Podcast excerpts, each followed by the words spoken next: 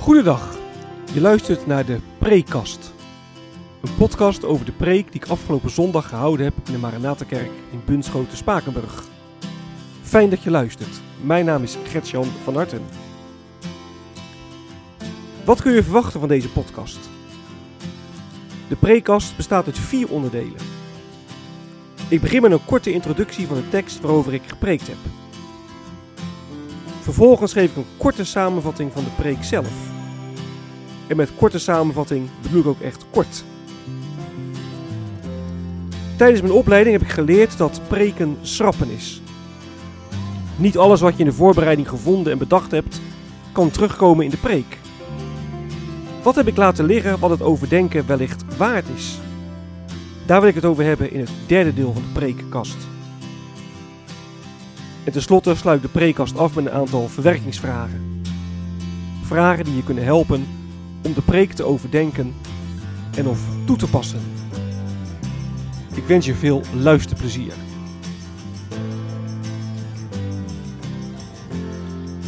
De tekst.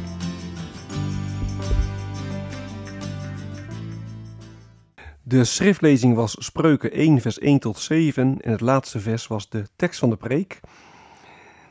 En de eerste zeven versen van Spreuken 1 vormen een soort eh, inleiding, een soort proloog op het boek Spreuken.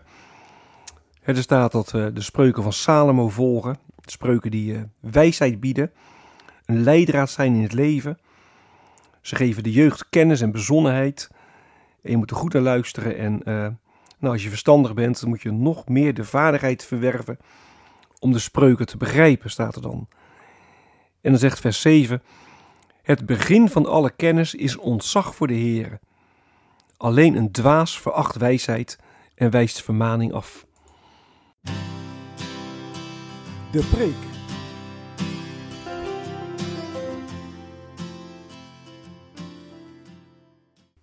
Ben je wel wijs? Dat uh, heb ik als thema boven de preek geschreven. Nou, het boek Spreuken staat vol met wijsheden. En dan moet je niet aan, aan boekenwijsheid denken, maar aan levenswijsheid. He, wat het boek Spreuken wil doen, dat is praktische wijsheid geven. Wijsheid die wij mensen zo nodig hebben, omdat het leven ontzettend complex en ja, ook ingewikkeld is. Hoe moet je bijvoorbeeld omgaan met, met onrecht? Hoe kun je conflicten voorkomen of hoe kun je conflicten klein houden? En je moet zoveel keuzes maken. Waar doe je dan goed aan? Nou, het boek Spreuk wil, wil ons daarbij helpen. Het geeft geen, geen pasklare antwoorden. Het zegt niet, als je situatie A hebt, moet jij B doen. Maar het geeft uh, heel veel stof om na te denken, om te overdenken. Het geeft ons ja, richtlijnen. En dan laat Spreuken zien dat het allemaal begint bij ontzag voor de Heer. He, zo staat het in de tekst. Het begin van alle kennis is ontzag voor de Heer. En als je ontzag voor de Heer hebt, dan moet je niet verwarren met angst voor de Heer. In de oude vertaling staat, je moet de Heer vrezen, vrees hebben voor de Heer. De vrezen des Heer is het begin van alle kennis. Maar het woord vrees, ja, dat, dan kun je denken aan, aan, aan bang zijn, dat je bang moet zijn voor God. Nou, als je iemand vreest, als je bang bent voor iemand, dan probeer je die ander te ontlopen. Dan ga je er niet graag mee om. Dus dat kan de bedoeling niet zijn, want God ja, die wil heel graag dat wij bij naar hem toe komen. Die wil heel graag dat we met hem omgaan. Dus God wil niet dat we bang zijn, maar God wil dat we ontzag voor hem hebben. En ontzag voor God hebben, dat betekent dat je je, ja, je plek richting de Heer kent. God is God en ja, wij zijn geen God, wij zijn mensen. En God is schepper, wij zijn schepsels. En als je ontzag voor de Heer hebt, dan ja, ken je je plaats richting God. En dat betekent ook dat je naar Hem wilt luisteren omdat je gelooft dat ja, Hij als Heer van het leven het ook voor het zeggen heeft in het leven. En God heeft alles gemaakt, Hij heeft alles geschapen. Hij weet hoe we moeten leven. Dus als je een weg zoekt in het leven, ja, dan moet je echt bij de Heer beginnen. En dan zegt de tekst dat als je dat niet doet, dat je dan een dwaas bent. Als je geen ontzag voor de Heer hebt, dan verdwaal je in het leven. Terwijl de Heer je juist leiden wil door het leven. Daarom is het ook zo, echt zo belangrijk om naar de Heer te luisteren. Om je door de, ja, de Bijbel te laten, te laten voeden, om te leren wie God is. ook voor jou. En als je een weg zoekt in het leven, dan moet je bij de Heer beginnen. En dan ben je verstandig. Het begint dus allemaal met ontzag voor de Heer. om de goede keuzes in het leven te kunnen maken, is het noodzakelijk om op een goede manier met Hem verbonden te zijn. Maar goed, dat is vaak makkelijker gezegd dan gedaan. Het valt nog niet mee om echt goed met God verbonden te zijn. Wij zijn vaak zo met onszelf bezig dat we niet echt met, met de Heer bezig zijn, dat we niet echt op Hem zijn gericht. Als God, niet, als God zich niet zelf aan ons zou verbinden, dan zouden wij nooit met Hem verbonden kunnen raken. En dan komen we eigenlijk bij de kern van het evangelie. Want God kwam naar ons toe. Jezus kwam naar de aarde omdat God zich met ons wil verbinden. Jezus kwam om alles wat tussen God en ons instond weg te nemen. En zo mogen we in Jezus Gods genade en Gods liefde zien. En bij Jezus vinden we het eeuwige leven. En als je daar iets van beseft, dat God zo op ons betrokken is, dat Hij zo om ons geeft en van ons houdt, ja, dan krijg je ontzag voor de Heer. En dat is het begin van de wijsheid. Nou, ben je wel wijs? Als je een weg zoekt in het leven, dan moet je bij de Heer beginnen. Dan ben je verstandig.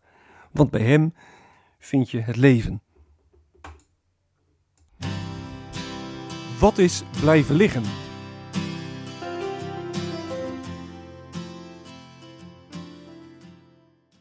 Hier volgen de spreuken van Salomo, zoon van David en koning van Israël. En zo begint het boek Spreuken. Nou, als je het hele boek Spreuken leest, dan zul je zien dat er ook spreuken van andere mannen in staan. Zo vinden we in eh, Spreuken 30 uh, eh, spreuken van Ager.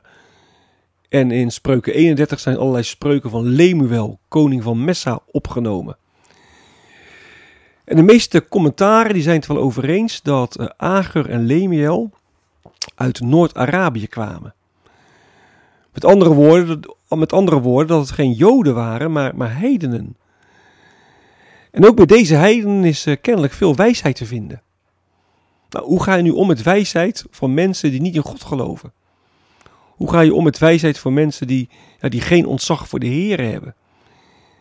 kennelijk kun je het niet allemaal aan de kant zetten. ook heidense wijsheid is zelfs dus kennelijk in, in de Bijbel te vinden. de geest die werkt wat dat betreft wereldwijd. Die werkt wat dat betreft niet alleen maar in christenen, maar ook bij mensen die, ja, die niet in God geloven. Wat betekent dat? Hoe ga je om met, met niet-christelijke wijsheid? Nou, natuurlijk een thema dat je ja, wel apart kunt uh, doordenken. Het volgende wat ik wil noemen is dat het boek Spreuken ons wijsheid wil geven om, om te leven. En leven heeft in het Oude Testament heel vaak de betekenis van ja, een, lang leven, een gelukkig leven, een goed leven, blijdschap. En dat is leven. En zaken als uh, ja, armoede, ellende, dat wordt in het Oude Testament uh, betiteld als dood. Het Oude Testament is wat dat betreft erg gericht op het leven hier en nu. En dat heeft te maken met het feit dat het besef van eeuwig leven, het besef van uh, leven na de dood, leven op de nieuwe aarde, in het Oude Testament niet zo ontwikkeld is. je vindt wel wat aanzetten, je ziet wel wat, wat lichtpuntjes om het zo te zeggen. Maar dat er eeuwig leven is, leven na de dood, dat er een nieuwe aarde komt, dat wordt eigenlijk pas echt goed duidelijk ja, in het eh, Nieuwe Testament. Ik denk wel dat je kunt zeggen dat het Oude Testament veel meer aardsgericht is. En wat betekent dat dan voor ons, voor ons Nieuwtestamentse christenen? Nou, ik heb al eens het idee dat wij het aardse wat onderwaarderen. Dat het bij ons vooral om het geestelijke gaat, om het hiernamaals. En dat in het Oude Testament ook veel meer ook om het hier en nu gaat, om het aardse. Nou, dat zou je in de hand van het Bijbelboek Spreuken ook verder uh, kunnen doordenken.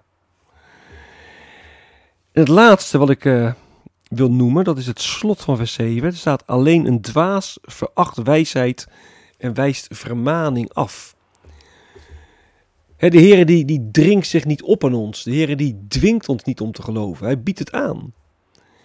En je moet, dat maakt het boek uh, Spreuken wel duidelijk, wel enorm dom zijn om dat af te wijzen.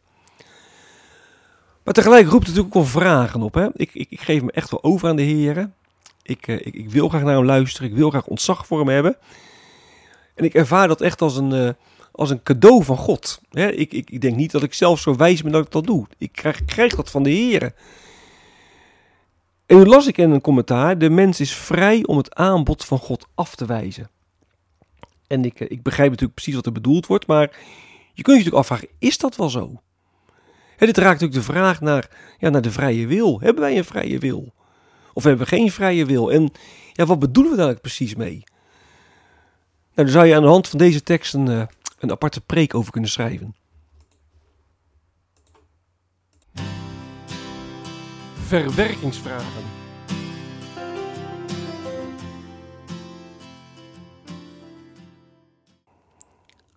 Op het uh, preekblad bij deze preek, dat kun je downloaden op mijn uh, site.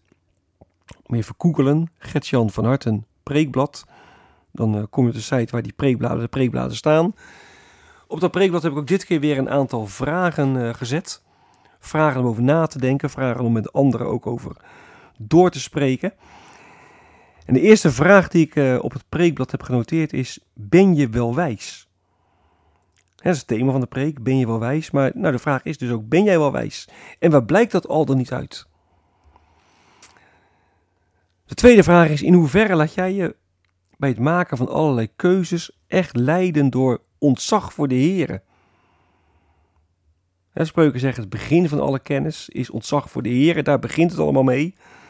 Nou, als jij allerlei keuzes maakt in het leven, laat jij je dan echt leiden door ontzag voor de Heer? Of doe je dat niet? Ontzag voor de Heer. Ik heb in de preek gezegd dat er in de oude vertaling stond de vrezen des Heren.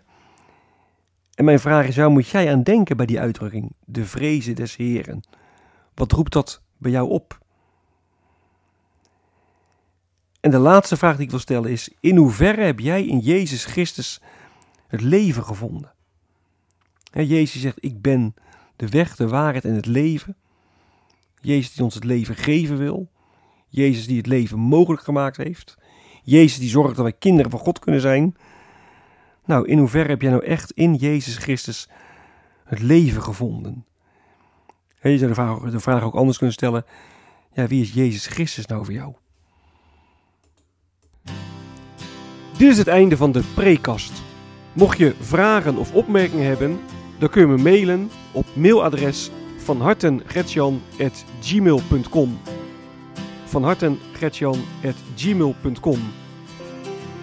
Ik wens je nog een hele prettige dag. Hartelijk dank voor het luisteren. En wie weet tot een volgende keer.